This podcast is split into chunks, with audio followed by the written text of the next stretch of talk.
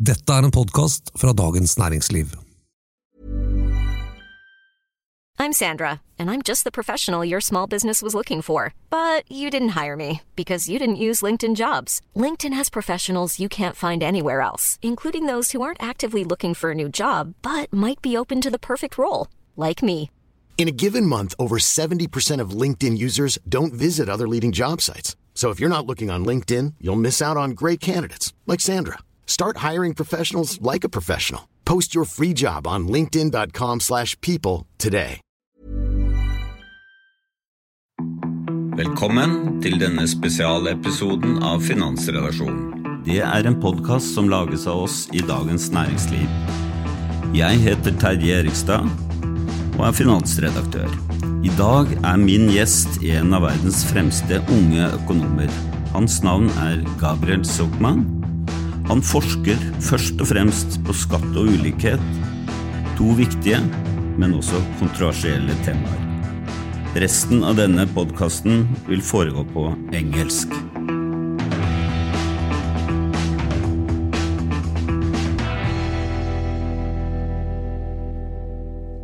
Welcome, Gabriel Zuckman. Great to have you on our podcast. Thanks for having me. So, why inequality and tax? Why do you research those topics? Taxation is probably the most important democratic question. Uh, uh, we live in societies uh, here in Norway or in France, where I live, where the government collects about 50% of national income in taxes and redistributes and spends 50% or more of national income. That means that essentially half of all the wealth that's created each year is, is socialized. And uh, uh, deciding on how to, to proceed, how to organize this uh, system of taxes and, and redistribution is probably the most important question that we face as, as citizens uh, and as voters. And the second reason is that uh, taxation has uh, a large effect on inequality we, when we look at history, when we look at the evolution of income concentration, of wealth concentration around the world, we see that there are lots of policies that affect inequality, to be sure, but that the tax system and the progressivity of the tax system is probably the most important determinant of uh, income and wealth inequality. So, what is the connection between those two topics, inequality and tax? Taxes shape the distribution of income and wealth, taxes matter for two reasons. One, there is a, a, mechanical effect of taxes, which is that, of course, you know, if you pay taxes, then uh, it reduces uh, uh, how much income you you have at your disposal to to consume and to save. So it reduces the inequality of uh, after-tax income. But there is another effect. There is another way, another way uh, through which taxes affect inequality which is that taxes also change the distribution of pre-tax income, the distribution of market income, because the tax system changes the incentives for people to to earn income, uh, and uh, that is even perhaps more important uh, in uh, in the grand scheme of things, meaning that uh, when you have a highly progressive tax system with very high tax rates for for uh, top earners, uh, it it, it, cha it, changes the incentives to try to earn super high incomes, you know, incomes in the millions of dollars, and it just compresses the distribution of market income. How would you describe the big picture for tax and inequality? You have just released a report about uh, the global tax evasion uh, status uh, from your uh, new research lab? Yes, absolutely. We re- we just released our inaugural global tax evasion report. We being the EU tax observatory that I created in 2021. So it's the first of its first report of its kind that takes a truly global perspective on uh, uh, tax evasion, and international tax competition, and tax avoidance, and more broadly on the question of the sustainability of our tax systems. And why is that question important? Well, it's because we all know that since the 1980s, inequality has been on the rise for many reasons, including globalization, techn- technological change, changes in domestic policies. But what has happened is that the tax system, instead of uh, offsetting some of that trend has in fact, uh, changes in the tax systems have in fact reinforced the rise of inequality. Why? Because the very winners from globalization, multinational companies and wealthy individuals, have been allowed to pay less and less in taxes. Uh, corporate tax rates have been cut. Uh, uh, in most countries, wealth taxes have been abolished. Uh, the taxation of capital income has been reduced. There's been an increase in tax avoidance, in tax evasion. Uh, and so that is unlikely to be sustainable. You know, if the very winners of globalization are also those who pay less and less in taxes, taxes, while you know the middle class, the working class that has benefited much less from globalization has to pay more in taxes. Everybody understands that it cannot go on forever, and so uh, uh, in that context. Uh, uh there, there has been a number of policy initiatives over the last uh, decade to try to start uh, changing that situation, to try to better fight against tax evasion, to try to uh, have minimum taxes on multinational companies. And so what we do in the report is to take stock of these uh, of these initiatives and to try to see what is working and what is not working, what progress has been achieved in in reducing global tax evasion, what have been the failures, and what remains to be done. So uh, when you present the report, you um, you actually compare it to one of my favorite films, uh, The Good, the Bad, and the Ugly. Uh, why do you do that? Exactly. There's the good, the bad, and the ugly. The good is that some uh, policy initiatives have proven effective. That's uh, the automatic exchange of bank information. So, you know, 10, 15 years ago, it was really easy for people to hide assets in tax havens uh, to conceal, you know, bank deposits and, and equities and bonds. So there was a significant offshore tax evasion. Since 2017, there is an automatic exchange of bank information. Banks in Switzerland, in the Cayman Islands, have to report information to the Norwegian tax authorities and to the authorities in other countries. And it has not fixed all the problems, but it has uh, made it possible to reduce uh, offshore tax evasion quite significantly, which is important because it shows that tax evasion is not some kind of law of nature. Uh, it is uh, it is a policy choice. We can choose to fight against tax evasion, just like we can choose to accept it. And this success of the automatic exchange of bank information is a source of hope uh, for the future. So that's the good. Um, the bad is the largely broken promise of uh, uh, taxing multinational companies better. Uh, profit shifting to tax havens continues. There is about $1 trillion in profits that are shifted each year to uh, places like Ireland, uh, Bermuda, uh, other corporate tax havens. And this shows no sign of uh, abating. And in 2021, there was high hope when um, more than 140 countries agreed on a minimum tax of 15% for multinational companies. But unfortunately, since then, this agreement has been uh, watered down. The original agreement was already very limited because the 15% rate is quite low, but at least there was the promise that this rate would be applied systematically. And uh, since 2021, what has happened is that is that lots of loopholes and exemptions have been introduced, such that today the, the, the, the tax revenue that we can expect from this 15% minimum tax is only half or even a third of what we could expect based on the 2021 agreement. So that, that's the bad. The ugly is that there are some issues that we've not even tried to, to tackle yet. The most important one is the non-taxation or the quasi non-taxation of billionaires, of very wealthy people. They have a very big tax deficit. They pay much less tax than the rest of the population. Why? Because when you're very rich, it's very easy to structure your wealth such that this wealth generates very little or sometimes zero taxable income. We saw that in the US with the revelations from the US media ProPublica in 2021. We see it in a growing number of countries where there are studies in partnership with tax administrations to quantify this issue.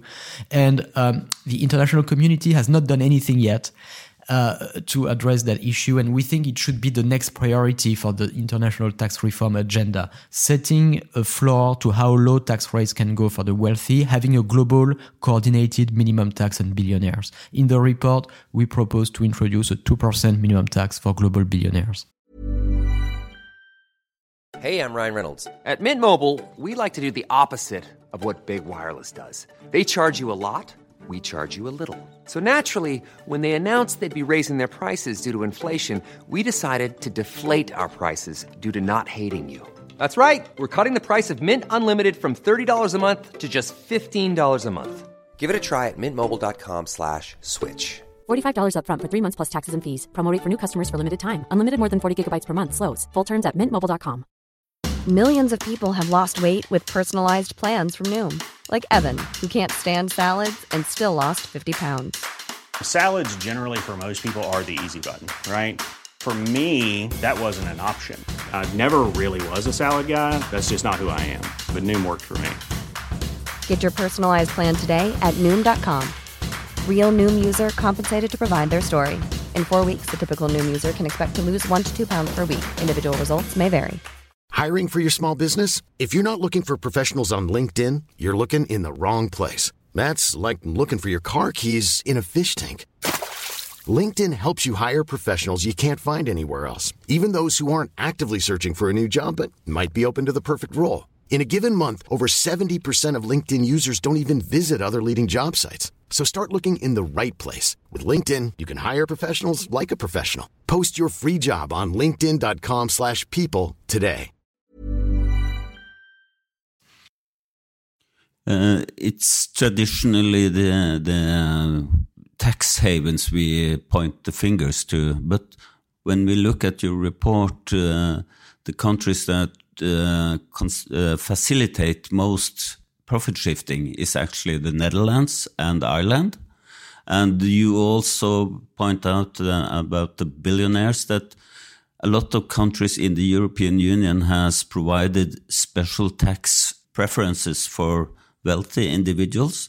So uh, how, do you explain that that uh, the European Union and the countries in that union uh, actually compete in this tax competition?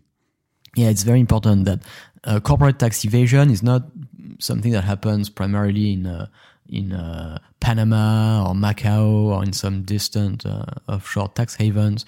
It mostly happens uh, here in Europe. Out of the one trillion in dollars shifted to tax havens globally. About half of that total is shifted to uh, European tax havens, Ireland, Netherlands, Luxembourg, Switzerland being the most important ones. Um, and similarly, many countries uh, in in Europe uh, have uh, adopted special tax regimes to uh, attract a little bit of profit from multinational firms or some wealthy individuals or specific uh, high income professionals. And the fundamental reason for all of that is that uh, in a globalized world, there is a temptation everywhere to become a tax haven of sorts. Countries think that if they do that, they will gain activity, they will gain employment, maybe even a bit of tax revenue. And indeed, you look at, you know, Ireland, for instance, they collect much more corporate tax revenue per capita than all other countries. Uh, so it pays off, at least in the short run, because in the long run, I don't think it's a sustainable model. But in the short run, it can pay off to play the card of tax competition. That's why it's very important to take a global perspective on these issues, because even though from a single country perspective it can pay off, from a global perspective, all of that is zero sum. In fact, it's worse than zero sum. It's negative sum, because the main consequence of all of these uh, special tax regimes is just to fuel inequality who benefits from those? It's high income, high wealth people. So uh, uh, when individuals move from country A to country B, you know, it doesn't change anything for the world as a whole. It just cuts taxes for very wealthy people. It increases inequality, so it's not sustainable. Hence the need for you know global reports that take a truly global perspective like we do and more fundamentally there is a need for an IPCC on taxation you know IPCC like the climate uh, IPCC is the inter intergovernmental panel on climate change uh, and we think there is a need for an independent you know uh, panel of experts on uh, taxes that would take a glo- the, the much needed global perspective on tax systems that would based on the science, the frontier science, you know, would uh, um, uh, quantify uh, uh, the evolution of global tax evasion, international tax competition, the cost of all of these things from a global perspective. And we are trying, you know, at a very modest level, but to to uh, plant the seeds for an evolution uh, of this kind with, with this report and with our EU tax observatory. Mm. These issues about inequality and tax are hotly debated, uh, very sensitive political issues. How does that impact your research, and, and do you consider yourself kind of a political activist? No, not at all. You know, I, I, I, I, do uh, uh, research on these questions, but my intellectual tradition, if you want, is that uh, the way the reason why we do uh, uh, research in economics or in the social sciences more broadly is not because the economy exists you know like the stars in the sky uh, it's to uh, help uh, first uh, inform uh, uh, the, the, public debate, you know, contribute to a more informed public democratic debate, and second, to try to contribute to the to the creation, to the elaboration of uh, better public policies. So that's why there is a need to uh, do the research, the most rigorous, with the best data uh, possible, but also to engage with civil society, with policymakers, with with citizens, with everybody about the findings. Uh, uh, that's you know that's the intellectual uh, tradition that I subscribe to. There are other intellectual traditions that are perfectly valid, but you know to me.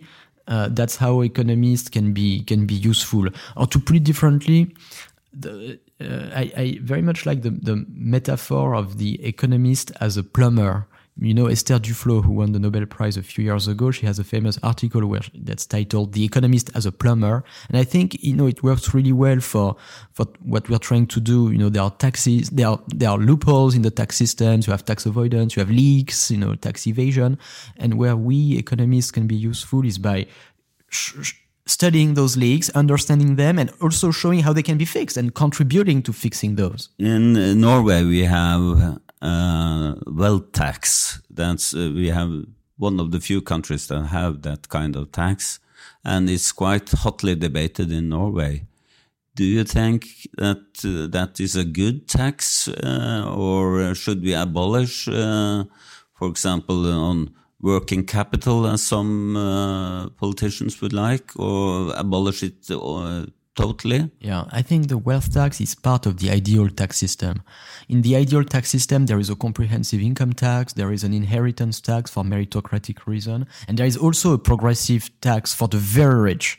Why? Because for the very rich, the income tax is not enough. Why isn't the income tax enough? Because when you're very rich, it's very easy to organize your wealth such that this wealth generates very little taxable income. And so, you know, you end up in a situation where the wealthiest people pay very little income tax. That's why you need also a tax on wealth.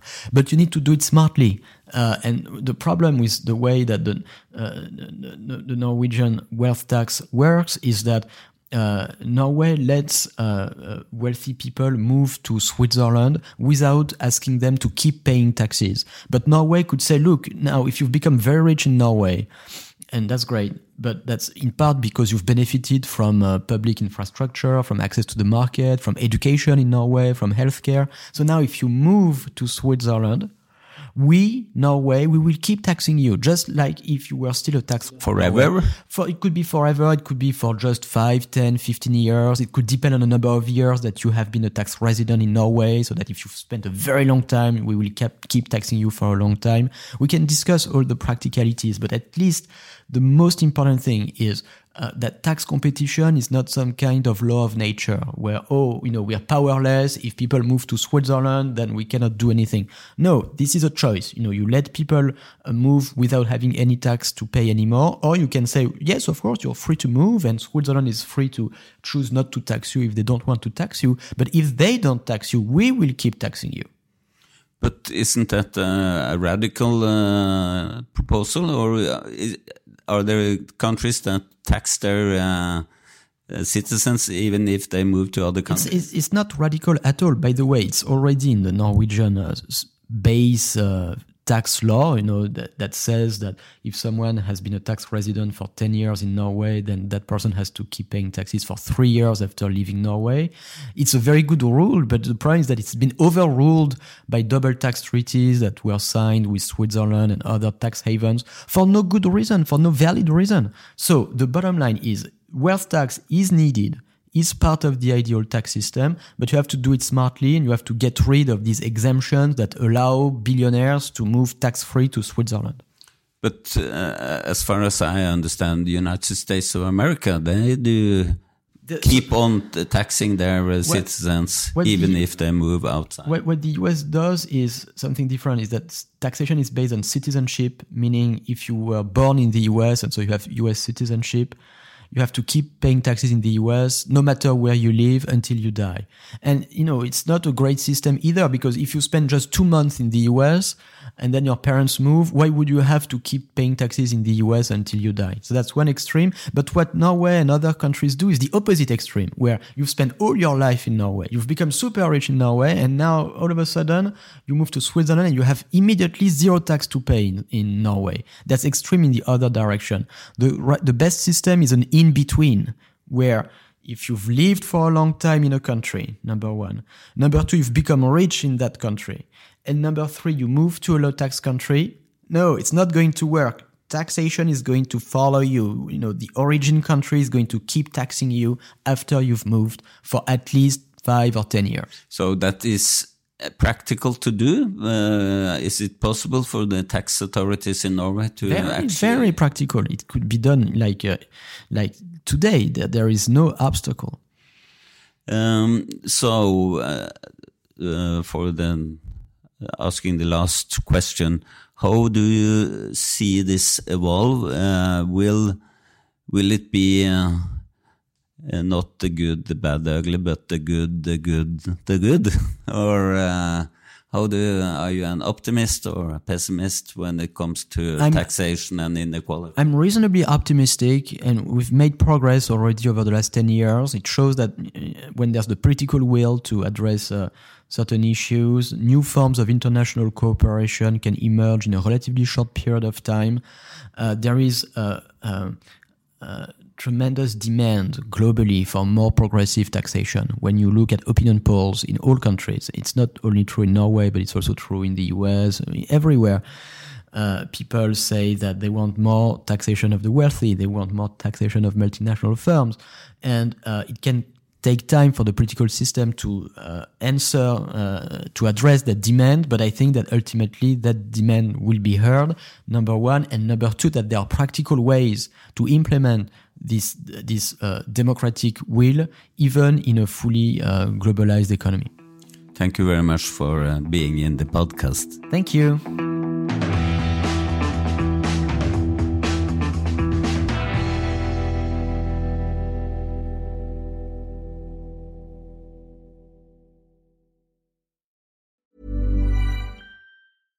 Life's better with American Family Insurance because our home policies help protect your dreams and come with peace of mind. Save up to 25% by bundling home, auto, and life. American Family Insurance. Get a quote, find an agent at amfam.com. Products not available in every state. Discounts may not apply to all coverages on an auto or home policy. Discounts do not apply to life insurance policies. Visit amfam.com to learn how discounts may apply to you. American Family Mutual Insurance Company SI and its operating companies American Family Life Insurance Company 6000 American Parkway, Madison, Wisconsin. Du har nå hørt en podkast fra Dagens Næringsliv.